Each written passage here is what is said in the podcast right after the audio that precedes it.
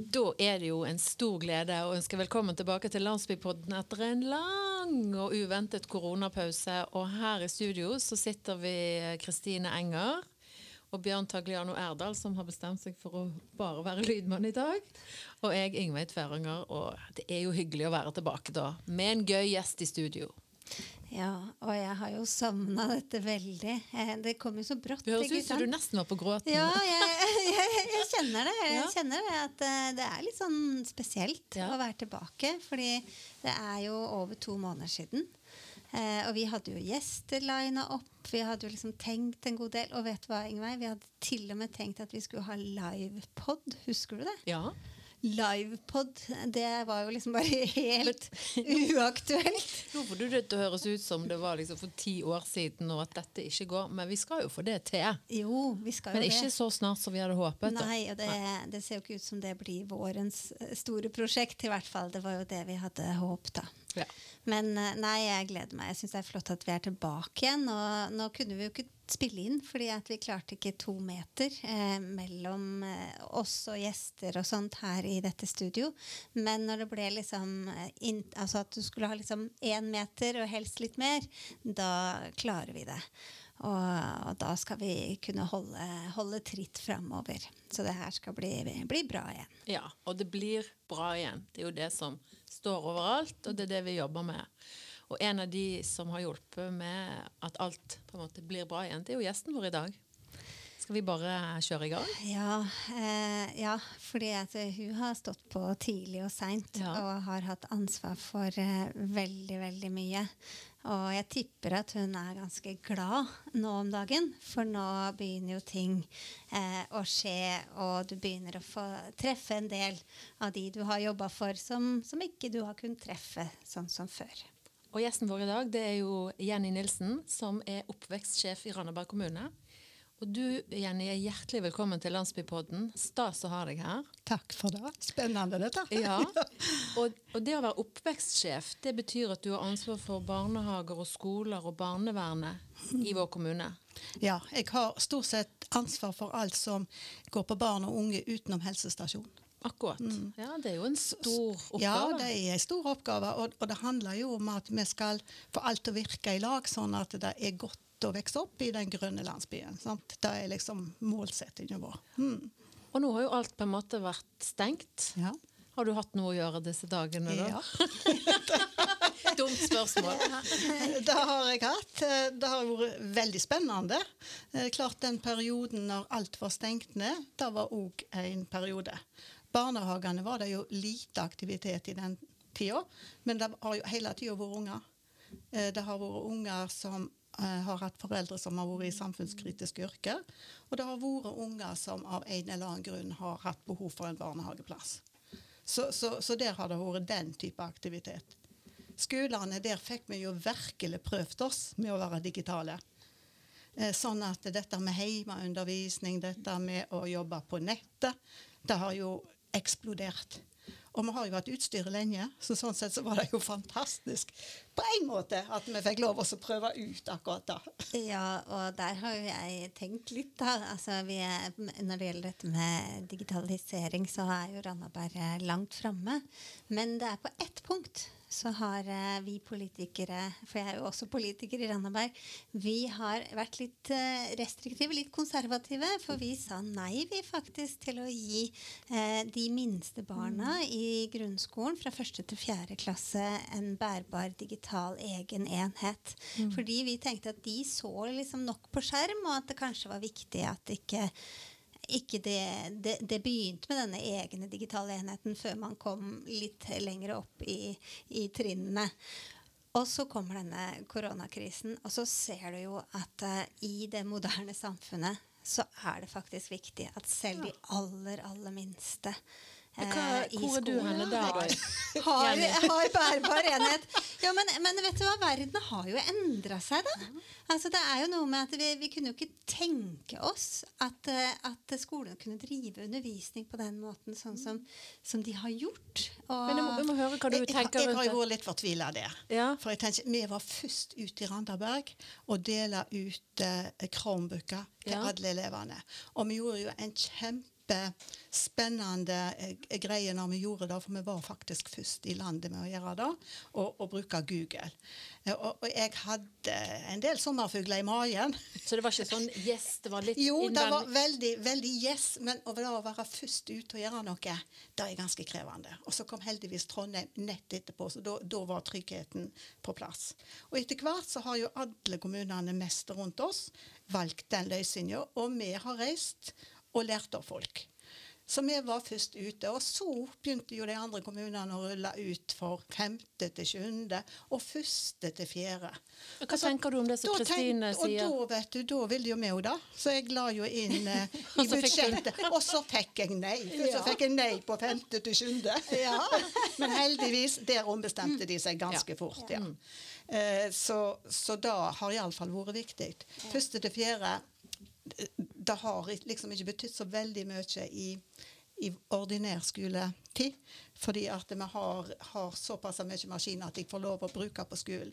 Men det er klart nå, når de har vært hjemme, så har vi sett at uh, de fleste hjemmene har jo tilgang på Et eller annet? datautstyr. Men så har foreldrene hatt hjemmekontor, så det har vært kamp om disse enhetene. Men vi har hatt noen som vi har delt ut og lånt ut til, til familier som ikke har hatt. Jeg vet ikke om han har nådd alle, men det har iallfall vært et tilbud. Mm.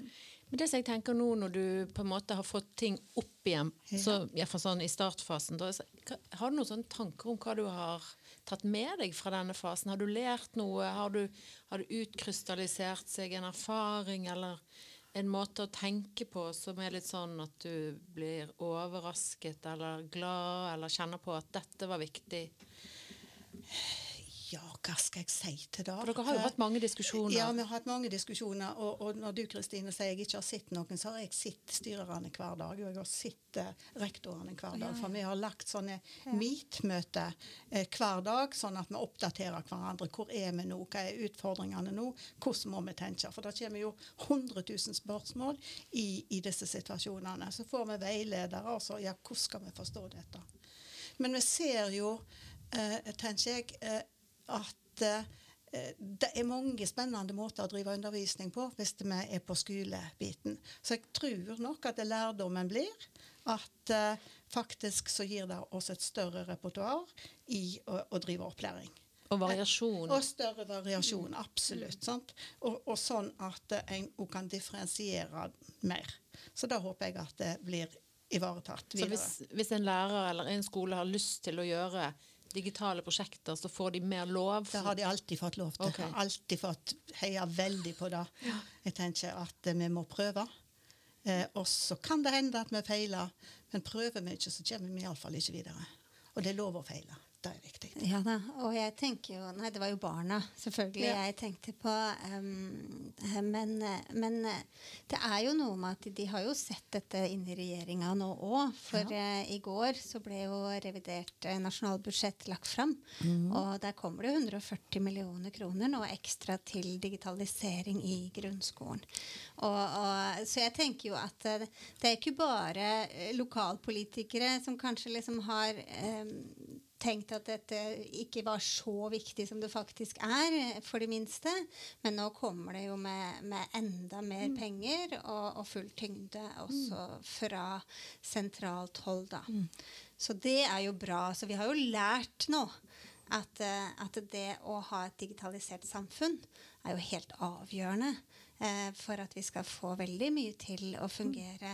Og vi, vi vet jo ikke når vi får en sånn situasjon igjen, og vi vet jo heller ikke hvordan denne situasjonen vil utvikle seg. sant? Eh, kanskje så vil vi måtte gå tilbake igjen og ta en ny runde eh, med å være hjemme i, i enda større grad enn vi har kunnet. Altså at, for nå har vi jo løsna litt opp. Så, så jeg tenker det Jo, det er mye å lære her, altså. Det er mange som skal lære egentlig hvordan samfunnet vårt skal endres og være framover. Samtidig tenker jeg, så har vi òg lært hvor viktig den sosiale kontakten er. Og det var jo veldig artig, for at eh, når skolene stengte ned, så var det mange elever som jippi, sant, Hun slipper med å gå på skole. Men det var ikke mange dager før de begynte å sakne skolen. Sånn, så det er der, den kontakten med både medelever og lærere Jeg tror lærerne har vært veldig flinke til å, å treffe elevene på nett og på møte og sitter de, selv om det er gjennom skjerm, så ser de hverandre. Eh, så den biten der tror jeg er blitt veldig forsterka. Og da å få begynne på skole igjen, det har jo vært fantastisk for små og store. Lærerne har vært helt i ekstase. Det har vært så kjekt. Men jeg traff jo en lærer til, her en dag som sa at eh, det som var så fint med digital hjemmeskole, er jo at alle leverer inn oppgaver, og du ser hva de leverer på en helt annen måte, og du kan gjøre en vurdering som er veldig sånn tydelig ut fra den digitale leveransen. Du får ikke med deg nyansene, du får ikke trynetillegget, og du unngår en del av de da. Og da kan du fortsette med, Ja, selv, selv om at du har, har Ja. eh, ordinær skole. Ja. Men du, eh, Vi var jo litt inne på det før vi begynte opptaket her. Det, det som har vært en stor diskusjon òg, som du har stått i, det er jo det med de sårbare barna som har vært masse framme i mediene. Sant? At nå taper de voldsomt under eh, koronakrisen. Hva tenker du rundt det? Eh, da tenker jeg eh, er nok rett på, på, på mange måter. For det er klart at det er familier som har det vanskelig i utgangspunktet, eh, får det ekstra vanskelig når de skal trø oppi hverandre hele tida. Og det er jo ikke bare skoler som har vært stengt ned. Gjerne har en mista jobben, gjerne er en usikker på økonomien. Så det er klart at det har vært stor slitasje i en del familier i denne perioden, òg i Randaberg.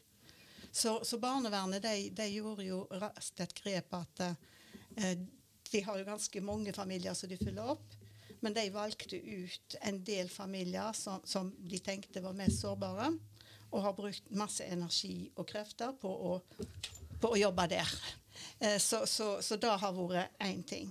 Eh, og så har vi hatt veldig tett kontakt med barnevern, barnehage og skole for å høre er det noen barn vi tenker bør gå eh, i skole og barnehage. Men det må, har jeg tenkt må jo være vanskelig at du kan liksom ringe og si du, han eh, lille Per der, han må inn på skolen, for vi vet at dere har en kjip familiesituasjon. Nei, men Du trenger jo ikke si det sånn.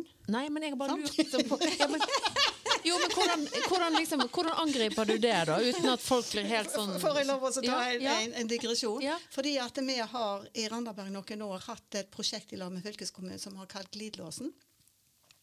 Eh, og det er et prosjekt der vi ofte sier, når folk dropper ut av videregående, så sier vi ja, da kunne vi tenkt at det da kom til å skje. At, at han hun ikke klarte å videre, gå gjennom videregående skole. Eh, og så tenkte vi ja vel, skal vi ta litt konsekvenser av det? Eh, skal vi snakke med elever i 10. klasse og foresatte og si at mm, vi ser at det kanskje det vil ha noen utfordringer. Ser det da sjøl? Eh, og hvis det, det tenker at det er sånn, er det noe vi kan hjelpe dere med. Og da er en annen tilnærming eh, til å si at det må komme, for det har det vanskelig. Det går an å være litt ydmyk og si at eh, hva tenker du? Ville det da vært godt for dere at deres barn fikk komme i barnehage, skole? Og ofte så jobber vi jo så tett i lag i utgangspunktet. Eh, og barn som sliter, og familier som har, har det strevsomt, der er det jo ofte en tett kontakt i utgangspunktet, så det er naturlig å ta en, en kontakt. Og så kan de si nei. Klart de kan det. Og så kan de si ja. Og det varierer jo veldig. De vi har hatt mest problem med å, å komme i kontakt med, det er jo folk, eh, innvandrerfamilier, sant, som ikke kan språket, som gjerne ikke føler så godt i, med i norske nyheter, som kanskje får opplysningen sin om korona fra andre land. Eh, der har vi strevd litt med å kunne få en god eh, samhandling der. Ja, interessant. Ja, og så utrolig viktig, da. Um, at en klarer, klarer det når ting går i lockdown sånn som det gjorde. Og at en har klart å fordi det, det er det det opplever at du sier at det, det har vi klart i Randaberg. I, I stor grad har vi det, men vi skal alltid være ydmyke for at uh, vi vet jo ikke alt. Eh, men vi vet at i mange, mange tilfeller har vi klart det. Og vi vet at vi har ansatte på, lærer, eh, på skoler og på barnehager som har tatt den ekstra telefonen og spurt hvordan går det med dere. Hvordan har det da? Mm, det er vel en del som har forsovet seg òg, tenker jeg, til den digitale skolestarten. Ja, det er mange mon- mange artige historier om det når foreldrene kommer litt sånn halvpåkledde i bakgrunnen. Og så. Du, jeg truet jo ungene mine Jeg truet jo ungene mine med å gjøre det. At eh, vi foreldre skulle liksom være litt sånn tilfeldig lettkledde. Og så liksom gjøre ting bak de da. Og det, det gjorde vi ikke. Men det har jo gått for lenge siden. Men du, du sa òg i sted at eh, det, kan, det har vært en oppside òg, dette. Ja.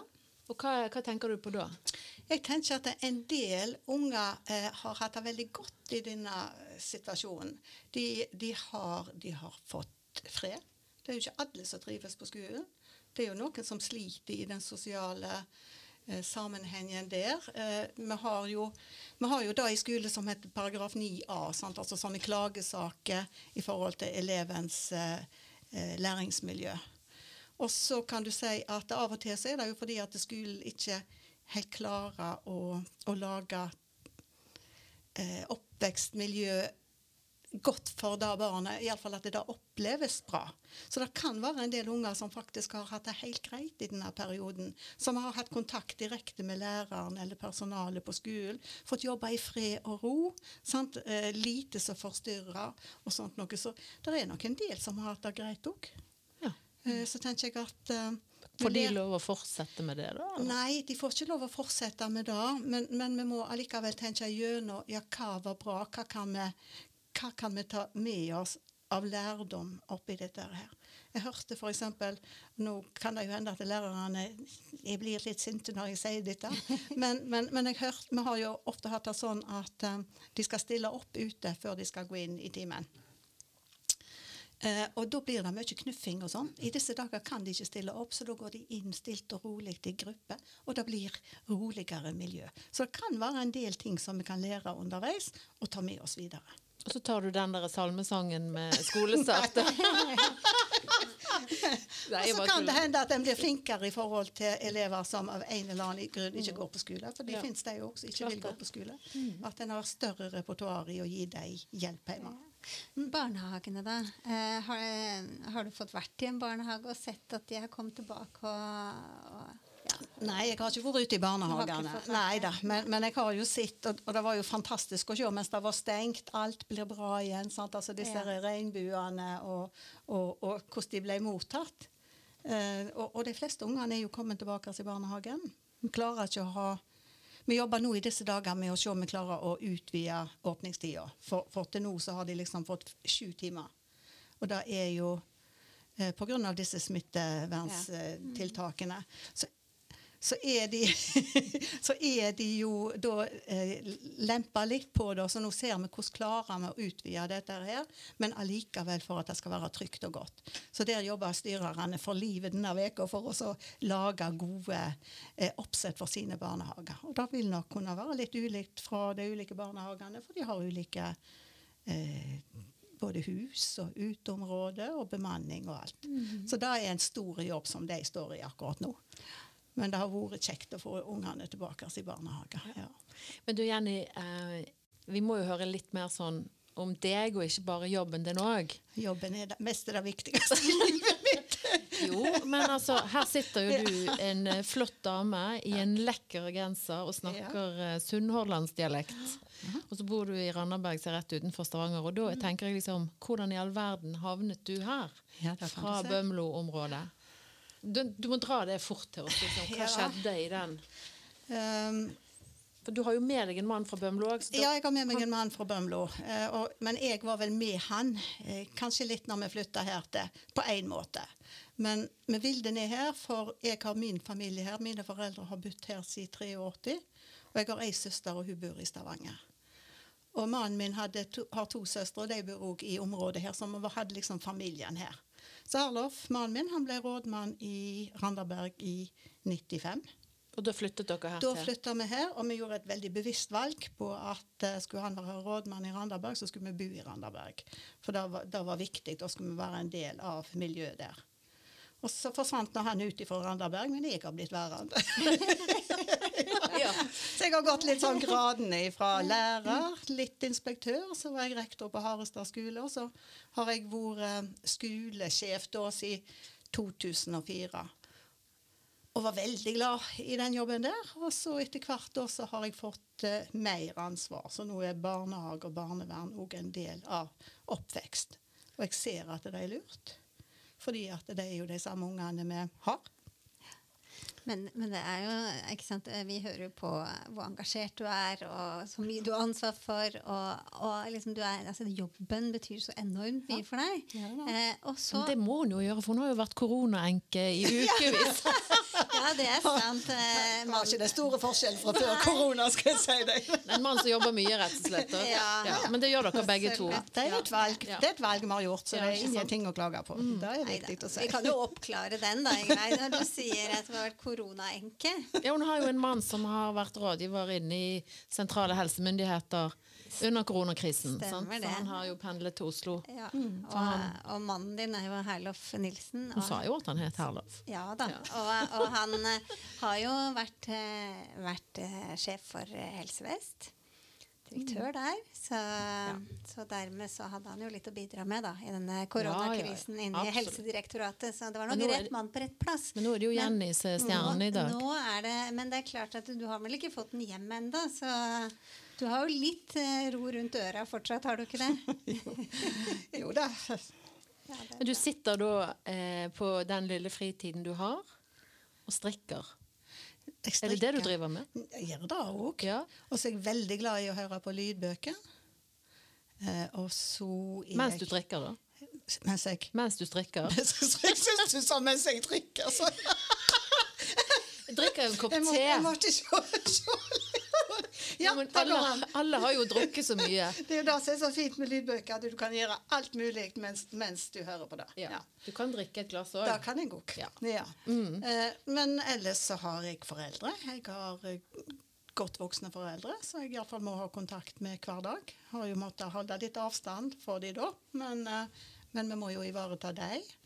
Og så har jeg unger, og så har jeg noen venner som jeg prøver å ha litt kontakt med, iallfall. Så det blir mye sånt, men det blir mye jobb. Og iallfall nå i korona så har det på en måte gitt ganske hel, hele døgnet. Men du holder veldig bra på dialekten. Ja, men jeg er Hva- gift med en bømling, vet du. Ja, så så vi passer veldig godt på hverandre. at ingen skal knote. Ja, blir du korrigert hvis du knoter, da? Eh, Det er du som korrigerer. Jeg, ja, det hender, men det som er vel litt sånn uh, syretesten, det er når vi treffer folk, hvem de sier som holder best på dialekten. Sant? Hvis de sier 'du holder jammen godt på dialekten til meg', da kjenner jeg at Da har jeg vunnet den.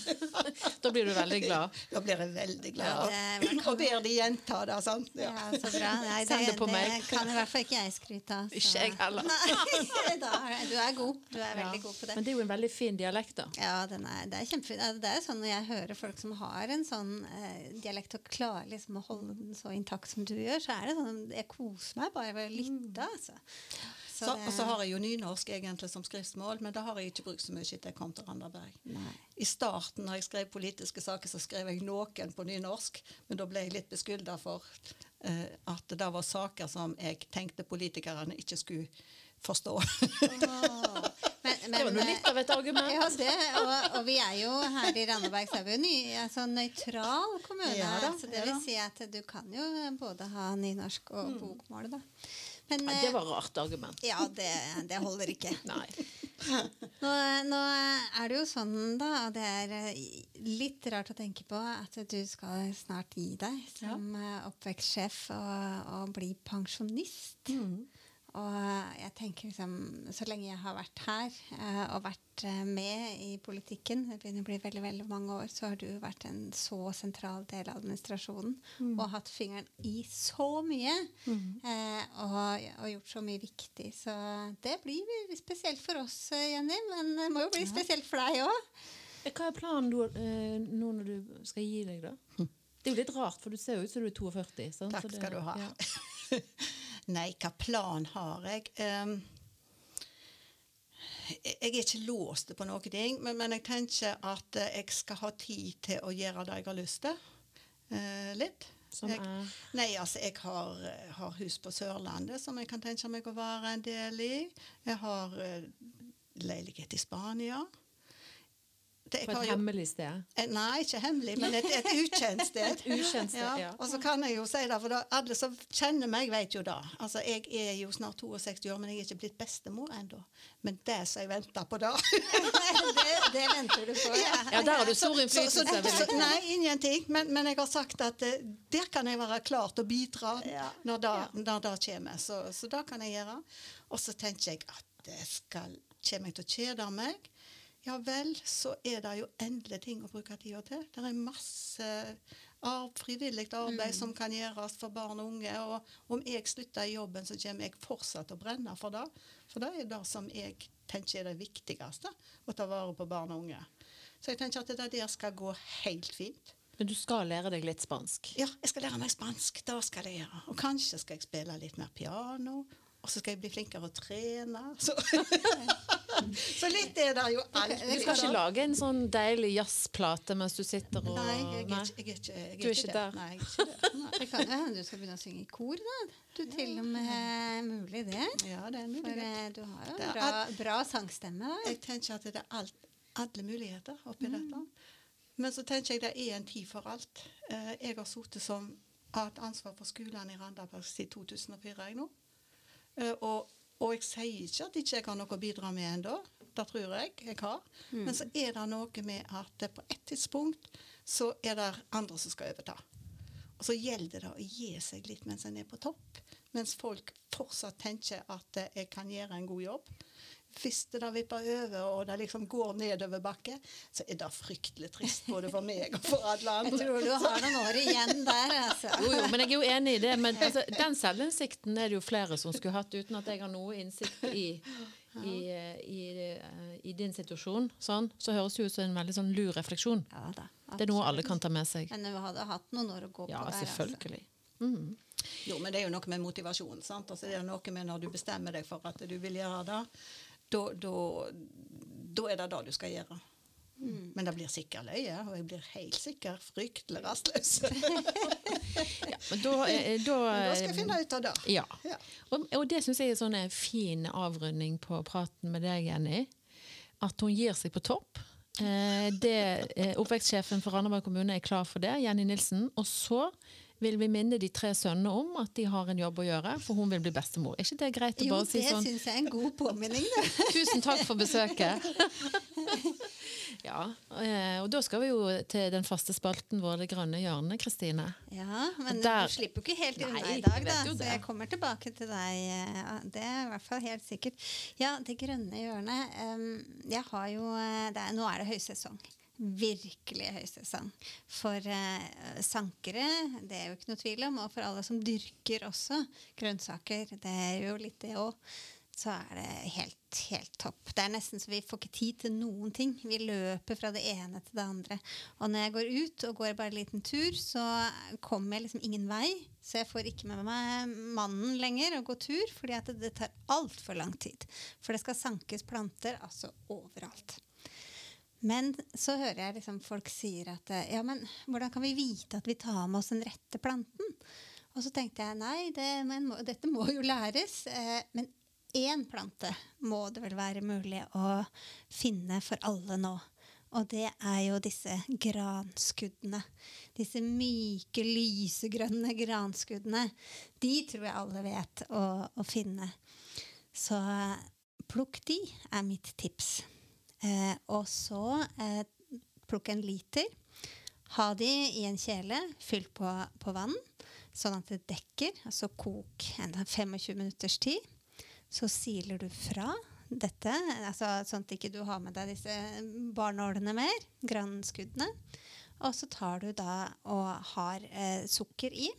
Hvor Så- mye? Nei, altså hvis du har eh, 1,5 liter væske, da, så bruker du én liter sukker. En hel liter? Ja. Wow. Så det er det blandingsforholdet, da. Og så koker du da dette inn. Og jo tykkere den blir, jo finere blir fargen. Og det som er så merkelig, er at disse her lysegrønne granskuddene, de, sirupen fra de, blir altså rød. Magisk. Og ja, det er, det er faktisk nesten helt magisk. Og, og jo tykkere sirupen blir, jo rødere og lekrere blir fargen. Og den bruker vi til Nei, den tar du på is, men da bør du ikke ha den fryktelig tykk, da. Eh, jeg bruker den på gresk yoghurt, og den er så utrolig, utrolig god. Og det er enkelt. Og så heller du det bare over når du har kokt den inn, sånn at du tror at nå er den tykk nok passe. Men som sagt, den skal være litt rød, den skal være litt farge på. Um, så tar du den bare over på glass, gjerne som du har sterilisert, da, eller vaska veldig, veldig godt. Og så er det med lokket på og i kjøleskapet, og da holder den seg i ja, flere måneder. Så det er en plante alle kan klare å plukke nå, og det er helt rett til tiden. Perfekt. Ja, Det var et godt tips. Og litt sånn fristende, faktisk. Ja, det var det. Ja, Så bra. jo, men eh, det er noe av den beste sirupen som du noen gang har smakt. Det er helt overbevist om. Fantastisk. Men du Ingveig, jeg har fulgt med, med deg nå i denne koronakrisen. Og du har altså holdt på voldsomt. Og du har blogga og blogga og blogga. Ikke så voldsomt. Litt. Det, ja, det vil jeg si. Eh, og du har jo blogga om eh, hvordan håret vårt blir når vi ikke går til frisøren. Og jeg har jo akkurat den sveisen som du skriver om i blogginnlegget ditt i dag. Og, og, og masse tanker rundt hvordan det da har vært i denne krisa som vi har vært. Så jeg er litt sånn spent. Noe, eh, noe refleksjoner fra alt dette har du vel å dele med oss? Nå syns jeg du eh, tar meg litt på sengen her. Jeg hadde jo ikke tenkt at jeg skulle snakke om denne bloggen i det hele tatt. Kristine. Nei, det, det er jo helt feil. Men det som jeg kan si, som jeg har skrevet om, er håret. Det var jo sånn tulleblogg. Ja, det var kult. For Jeg tenker at jeg tillater meg å tøyse litt innimellom, og så skriver jeg litt mer sånn heavy refleksjoner. da. Og, og en av de tingene som jeg har virkelig tenkt mye på, det er det som heter aksept. Det at du på en måte eh, kommer gjennom dette her med alle de bekymringene og uroligheten og usikkerheten vi har. Alt vi lurer på, sånn som du var inne på Jenny her i sted, med har vi nok penger, har vi jobb, hvordan skal det gå med oss, hva utsikter har jeg, alt dette her henger jo over oss, sant? Og jeg har hatt mange samtaler om det gjennom disse ukene, og så plutselig en dag så våknet jeg opp, og så kjente jeg liksom at det er greit, sånn er det. Usikkerheten må jeg bare akseptere, og da kom jeg til en sånn akseptfase, sant? Ja, det er godt. Og når du kommer til akseptfasen, da kan du på en måte komme også kanskje i en slags angrepsposisjon for å liksom Hva kan jeg gjøre ut av denne situasjonen? Sant? Og der ser jo jeg utrolig mange muligheter. Og jeg vet jo at mange syns det er provoserende, for de er ikke kommet der ennå. Eller de klarer det ikke, for det er ikke mulig, fordi ting har blitt så vanskelig. Men der er jeg, og jeg syns det er utrolig spennende. Så det skal jeg blogge om snart. og så har jeg, skal jeg ta tilbake noe som jeg har gitt som et tips til en tidligere eh, eh, podkast. Jeg bestemte meg i høst, lenge før alt skjedde, at denne vinteren skal jeg ikke ha influensa og forkjølelse. Så jeg steppet opp eh, håndvaskerutinene mine ganske dramatisk. Og det har jo virkelig paid off, altså. Så det vil jeg bare si. Hvis du tror nå at du kan slappe av på håndvasken, så tro om igjen. For dette skal du bare holde gående ganske heftig. Mye mer enn du tror. Ikke bry deg om neglene sprekker og du er litt tørr her og der, for det er verdt det, faktisk. Så du heller smøre hendene godt inn før du legger deg. Men kjør håndvask. Det er liksom det mest basic rådet jeg kan gi for et godt liv framover. Ja, og det kan vi bare underskrive på. Eh, og det tror jeg alle disse helsemyndighetene vil gjøre også. Så tusen takk. Jeg jobber jo i eh, helsevesenet. Ja. takk for kjempebra tips, og lykke til med bloggen din. Ja. Ja, Skal vi bare runde av, da? ja jeg Ja. tror det. Så kommer vi jo tilbake igjen om ikke så altfor lenge nå. Og det skal bli bra. Ja. Da sier jeg tusen takk Kristine Enger og eh, Jenny Nilsen og Bjørn Tagliano Erdal. Og jeg heter Ingve Tveranger. Og Landsbypodden finner du på Instagram og på Facebook, og der du hører podkast. Tusen takk for oss.